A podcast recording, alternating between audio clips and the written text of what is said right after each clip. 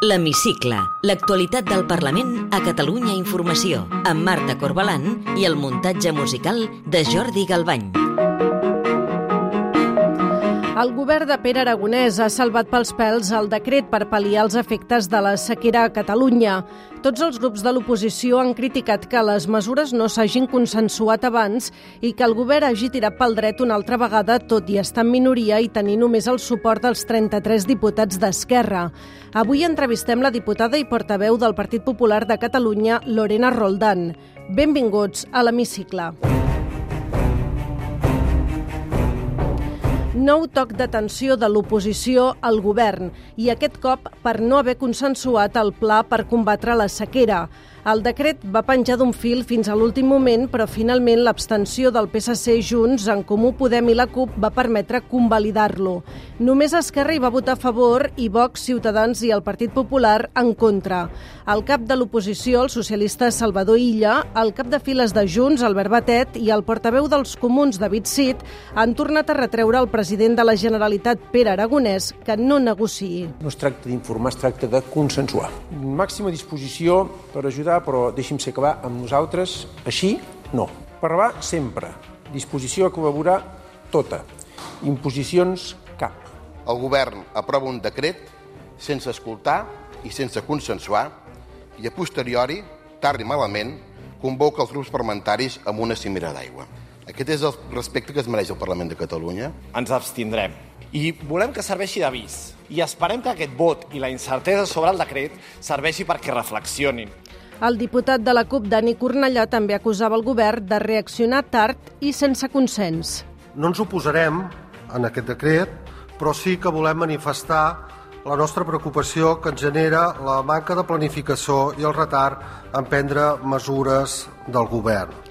Davant les crítiques de l'oposició, el president aragonès ha hagut de cedir i s'ha compromès a recollir en un nou decret les propostes que facin els partits a la cimera sobre la sequera que es farà divendres de la setmana que ve.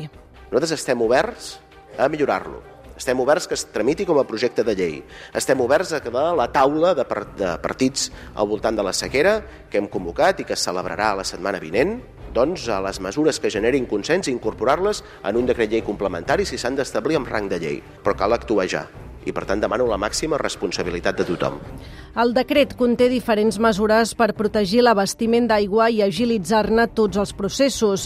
Un dels punts que han utjat més l'oposició és el règim sancionador que preveu el decret per a aquells municipis que l'incompleixin. La consellera d'Acció Climàtica, Teresa Jordà, defensa que les sancions han de servir per dissuadir els ajuntaments de males pràctiques. La vocació d'aquest decret no és la de per quatre duros fer enfadar tots els ajuntaments del país. És que la idea no és sancionar. La vocació és dissuadir. A banda de la sequera, el govern també ha rebut crítiques de totes bandes i per diverses polèmiques. Pel viatge institucional de Pere Aragonès a Llatinoamèrica, pel cas Pegasus, per la promesa de la residència de gent gran a Santa Coloma de Gramenet o per la reestructuració dels Mossos d'Esquadra. El líder del Partit Popular, Alejandro Fernández, i el de Vox, Ignacio Garriga, han carregat contra el viatge a l'Amèrica Llatina i Aragonès els ha replicat assegurant que el govern no aturarà la política exterior. Dedique dedique los 108 millones de acción exterior, que es muchísimo dinero, a difundir la cultura catalana y a ayudar a las empresas catalanas a implantarse fuera, en lugar de organizarse unas vacaciones de nueve días pagadas por todos, avergonzando a propios y a extraños. Una vez más, usted ha malgastado los recursos de todos en viajes que, como le he dicho, no reportan ningún beneficio para el bienestar del conjunto de los catalanes. Aquests darrers dies hem vist una aliança entre les dretes d'aquest Parlament per tant que el govern de Catalunya no porti terme acció exterior. Doncs sí, Viatjarem pel món, explicarem la realitat de Catalunya, defensarem els interessos de la ciutadania de Catalunya. Coincidint amb la visita aquesta setmana a Madrid de la missió del Parlament Europeu que investiga l'afer Pegasus, Ciutadans ha demanat que s'espiï més l'independentisme, una petició que feia Carlos Carrizosa i que ha indignat el president aragonès. De verdad, señor Aragonès, poco se les investiga con la que han liado. Si vostè considera que sóc un perill per la seguretat nacional d'Espanya, ja pot anar corrent a la Fiscalia i presentar la denúncia, perquè totes les vegades que ho ha fet s'ha anat amb la cua entre cames. Qui també està en el punt de mira de l'oposició és el conseller de Drets Socials, Carles Campuzano, per la seva promesa de construir una nova residència de gent gran a Santa Coloma de Gramenet si Esquerra hi guanya les eleccions. Junts en demanarà la seva reprovació. Si s'aprova, es convertiria en el segon conseller del govern d'Aragonès que el Parlament reprova després del titular d'Interior, Joan Ignasi Helena. Té la paraula Soc la Lorena Roldán, portaveu i diputada del Partit Popular de Catalunya.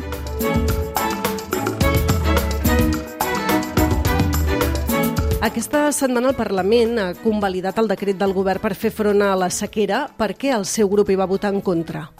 Nosaltres hem fet un vot de responsabilitat i una mica també de picar la cresta al govern, perquè el que no pot ser doncs, és fer mesures a correcuita. Eh, Se'ns ha convocat amb una cimera per parlar sobre el tema de l'aigua, però el decret ha vingut abans, per tant no hem tingut l'oportunitat de parlar. I amb el tema de la sequera ja fa molts mesos que en parlem, de fet des de l'estiu passat, perquè bueno, doncs, tenim aquesta situació, no plou, i per tant s'han de, de prendre mesures. El govern no ha fet absolutament res, eh, ho ha deixat tot doncs, una mica al clima, a veure si plou, a veure si a la tarda tardor, ara a la primavera... Home, això no és seriós. I per tant nosaltres el que li demanem a l'executiu doncs és que prengui mesures en aquest sentit, que estudiem a veure eh, què és el que podem fer a mig però també a llarg termini, perquè el clima mediterrani és sec i per tant, eh, per definició, doncs segurament tindrem aquests problemes eh, durant molt més temps de, de sequera i el que demanem és això, responsabilitat, mesures, hem de parlar, doncs, per exemple, de si calen més desalinitzadores, que nosaltres pensem que, així, que sí, eh, si cal recuperar els aquífers, que nosaltres també eh, pensem que sí, si s'han de fer altres eh, mesures, com per exemple la digitalització del cicle de l'aigua. Bueno, en definitiva, doncs, eh, estudiar què és el que podem fer, primer per aquesta situació d'emergència i d'urgència que tenim ja damunt de la taula, però també doncs, per evitar en un futur eh, haver de prendre doncs, aquestes eh, decisions com és tallar l'aigua. Tota l'oposició, i vostè mateixa fa una estona, eh, s'ha queixat i es queixa constantment que el govern aprova mesures al Consell Executiu sense consensuar-les abans amb els grups parlamentaris, tot i estar en minoria i només governar amb el suport dels 33 diputats d'Esquerra. Creu que el president Aragonès podrà esgotar la legislatura amb aquesta situació de minoria? Uh -huh. És veritat que és un govern dèbil, és veritat que és un govern doncs, eh, que té molts pocs diputats i que no compta amb, amb un ampli suport com sí era en el cas quan Junts estava dins del govern, però mm, jo crec que el senyor Aragonès i Esquerra Republicana els ha sortit un altre soci pel camí, que és el Partit Socialista, i ho hem vist en aquesta, en aquesta darrera aprovació dels pressupostos. El senyor Salvador Illa va dir en campanya que venia aquí doncs, a acabar amb el separatisme i, i no sé quantes coses més anava a fer, i el que està està fent doncs, és fer de crosa, de crosa precisament del, del separatisme. Si un mira una mica les actes de les sessions dels plens i analitza les votacions, doncs pot veure que pràcticament Partit Socialista i Esquerra Republicana eh, voten el mateix en tots els punts i per tant aquí no hi ha oposició. El que hi ha doncs, és eh, una mena de, de tripartit encobert, perquè els comuns també en formen part, que estan donant doncs, un, un valor d'oxigen a l'executiu de, de Pere Aragonès per continuar amb aquesta legislatura. A Madrid, aquesta setmana sí que s'ha fet una moció de censura de Vox contra Pedro Sánchez, que, com es preveia, ha fracassat. Descarta que aquí al Parlament de Catalunya l'oposició pugui acabar presentant també una moció de censura contra el president aragonès en funció de com avanci la legislatura? Clar, és que mm, qui és l'oposició aquí al Parlament de Catalunya? Perquè jo crec que el Partit Socialista no fa oposició, que és eh, el partit que té una majoria no? per, per poder sumar amb altres grups i poder intentar aquesta, aquesta moció de censura. I torno a insistir, aquí hi ha seguidisme per part del Partit Socialista que dona recolzament a totes les mesures eh, d'Esquerra Republicana i del govern de, de Pere Aragonès. Per tant, aquí a mi em costa de, de creure que això pugui passar. Veurem a veure com queden els moviments. És un any electoral i, per tant, eh, doncs, eh, hi poden haver canvis, però insisteixo que ara mateix és que no hi ha oposició al Parlament de Catalunya perquè Salvador Illa no l'exergeix en això. Tornant aquí al Parlament de Catalunya, el que segur que sacsejarà eh, eh, la vida parlamentària, l'activitat parlamentària, serà la sentència del judici a la presidenta suspesa de la cambra, Laura Borràs. En cas que sigui condemnada i inhabilitada, el Partit Popular demanarà a la Junta Electoral Central que se li retiri l'escó de manera immediata? A mi no m'agrada fer mm, futurologia perquè jo soc molt respectuosa amb, amb els processos eh, judicials i amb les... soc jurista, a més a més, i amb les decisions judicials i per tant nosaltres des del primer moment ja hem dit que estarien amatents a, quin, a què surt d'aquest judici. És veritat que si algú doncs, l'ha seguit ja veu que les coses no pinten gaire bé per la senyora Borràs, això és així, però bueno, esperarem aquesta sentència i a partir d'aquí i en funció del que passi, doncs aplicarem el que marca el, el propi reglament de la cambra, no hi ha més.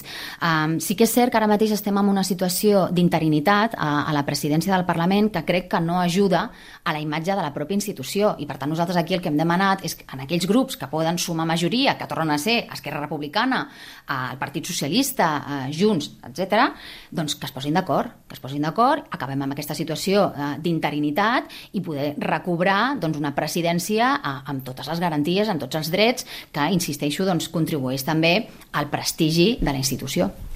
Diu que en cas de sentència eh, i en cas d'inhabilitació el seu partit respectarà el reglament del Parlament i s'aplicarà el que diu el reglament, però és que llegint el reglament, el reglament justament diu que fins que la sentència no és ferma no es pot retirar l'escó a un diputat o diputada. És a dir, permetrien doncs, eh, eh, que continués amb l'escó. Jo no sóc expert en els temes de, del reglament, però sí que és cert, insisteixo, que ara mateix està eh, la senyora Borràs suspesa perquè s'ha aplicat l'article del reglament i, per tant, aquesta suspensió ha provocat aquesta interinitat dins de la, de la presidència, que és el que nosaltres creiem que no... Que és una, bueno, creiem no, és una situació anòmala i, per tant, això s'ha d'evitar. I després, home, si aquesta sentència, i torno a insistir que a mi no m'agrada fer futurologia, però si pel que sigui doncs acaba amb una condemna de la senyora Borràs per un delicte eh, o per més d'un delicte de corrupció, delictes contra l'administració, home, crec que no cal ser gaire tampoc, mm, no sé, no, no, no estic dient cap barbaritat de dir que tu no pots tenir un president o una presidenta del Parlament eh, amb unes condemnes per delictes contra la pròpia administració. Vull dir, és que em sembla que és totalment uh, incoherent i que no aniríem enlloc. Parlant de processos judicials, aquesta setmana hem sabut que el candidat del Partit Popular a l'alcaldia de Badalona, Xavier García Albiol, haurà d'anar a judici pel cas de les antenes de telefonia suposadament irregulars instal·lades a la comissaria de la Guàrdia Urbana de la ciutat. Un cas que, segons el jutge, podria ser constitutiu d'un delicte continuat de prevaricació urbanística i ambiental. Els estatuts eh, del seu partit diuen que quan s'obre judici s'ha d'obrir també un expedient disciplinari que pot acabar amb una suspensió de militància. Per què no se li aplica cap mesura al viol? Doncs en aquest cas, bueno, primer em remeto a les pròpies explicacions que ha donat el Xavi García Albiol al respecte. Eh, ell també ha facilitat tota la documentació que demanen i la informació que demanen els propis estatuts, això ja està en mans de, del partit, i en aquest sentit el que el partit entén és que és un tema eh, purament administratiu, amb un tema de, de llicències o no sé exactament, una qüestió tècnica del propi eh, Ajuntament i per tant doncs, bueno, estarem expectants a veure què passa i amatents al que passa en aquest eh, procediment judicial amb el màxim respecte, com fem sempre, però insisteixo eh, que és una qüestió més administrativa que no cap altra cosa. Diu que és una qüestió administrativa, per tant entenc que descarta que sigui un cas de corrupció, però vostès en la causa que afecta Laura Borràs sempre han defensat que la prevaricació, de que també se l'acusa ella, sí que és corrupció. Com s'entén aquesta diferència? Perquè en el cas de la senyora Borràs teníem uns indicis que eren uns correus electrònics de la pròpia senyora Laura Borràs on reconeixia que feia fraccionament de contractes, on reconeixia que s'inventava les factures, on reconeixia eh, que s'inventava els conceptes dels contractes. És que això és molt greu, amb molts diners eh, pel mig, diners de l'administració, delictes contra l'administració, per afavorir doncs, a un amic seu, que a més a més doncs, també està condemnat eh, per altre tipus de delictes relacionats amb el narcotràfic. Bueno, la, la, la causa no té res absolutament a veure i el tema de la senyora Borràs era un tema de corrupció de llibre amb aquest fraccionament de contractes, amb aquest eh, desviament de diners de l'Institut de les Lletres Catalanes per afavorir a un amic seu. Ens endinsem ara en el terreny més personal i li demano si pot contestar amb respostes tan breus com sigui possible. Si deixés mai la política, a què es dedicaria? Doncs sóc advocada, així que tornaria a la meva professió. Digui'm els dos adjectius que millor la defineixen. Jo crec que sóc una persona uh, molt resolutiva i, i molt pràctica. No sé si és més o menys el mateix, però, però sí, jo crec que això és el que més em defineix. Amb quin diputat o diputada que no sigui del seu grup compartiria una sobretaula distesa? Doncs, uh, per exemple, amb l'Ester Niubó, del Partit Socialista. Creu que els diputats cobren molt, poc o és el que han de cobrar? Bueno, eh, hi haurà qui treballi més i qui treballi, i qui treballi menys. Jo li puc dir que nosaltres doncs, estem molt compromesos amb la ciutadania i que, tot i ser un grup petit, doncs, eh, donem molta guerra i treballem molt. Té alguna mania que es pugui confessar? Alguna mania que es pugui confessar... Mm, bueno, una cosa molt bàsica. No m'agrada veure calaixos oberts. Si el veig, l'he de, de tancar. I ja per acabar, completi la frase següent. El que més m'agradaria del món és... A mi m'agradaria acabar doncs, amb aquesta inestabilitat i amb aquesta ferida que tenim oberta entre, entre catalans que ja dura massa. Lorena Roldán, diputada i portaveu del Partit Popular de Catalunya, gràcies per atendre'ns a l'hemicicle de Catalunya Informació. Un plaer, moltes gràcies. Podeu tornar a escoltar l'hemicicle al web catradio.cat barra hemicicle o al podcast del programa i seguir l'actualitat del Parlament al perfil de Twitter arroba L-hemicicle.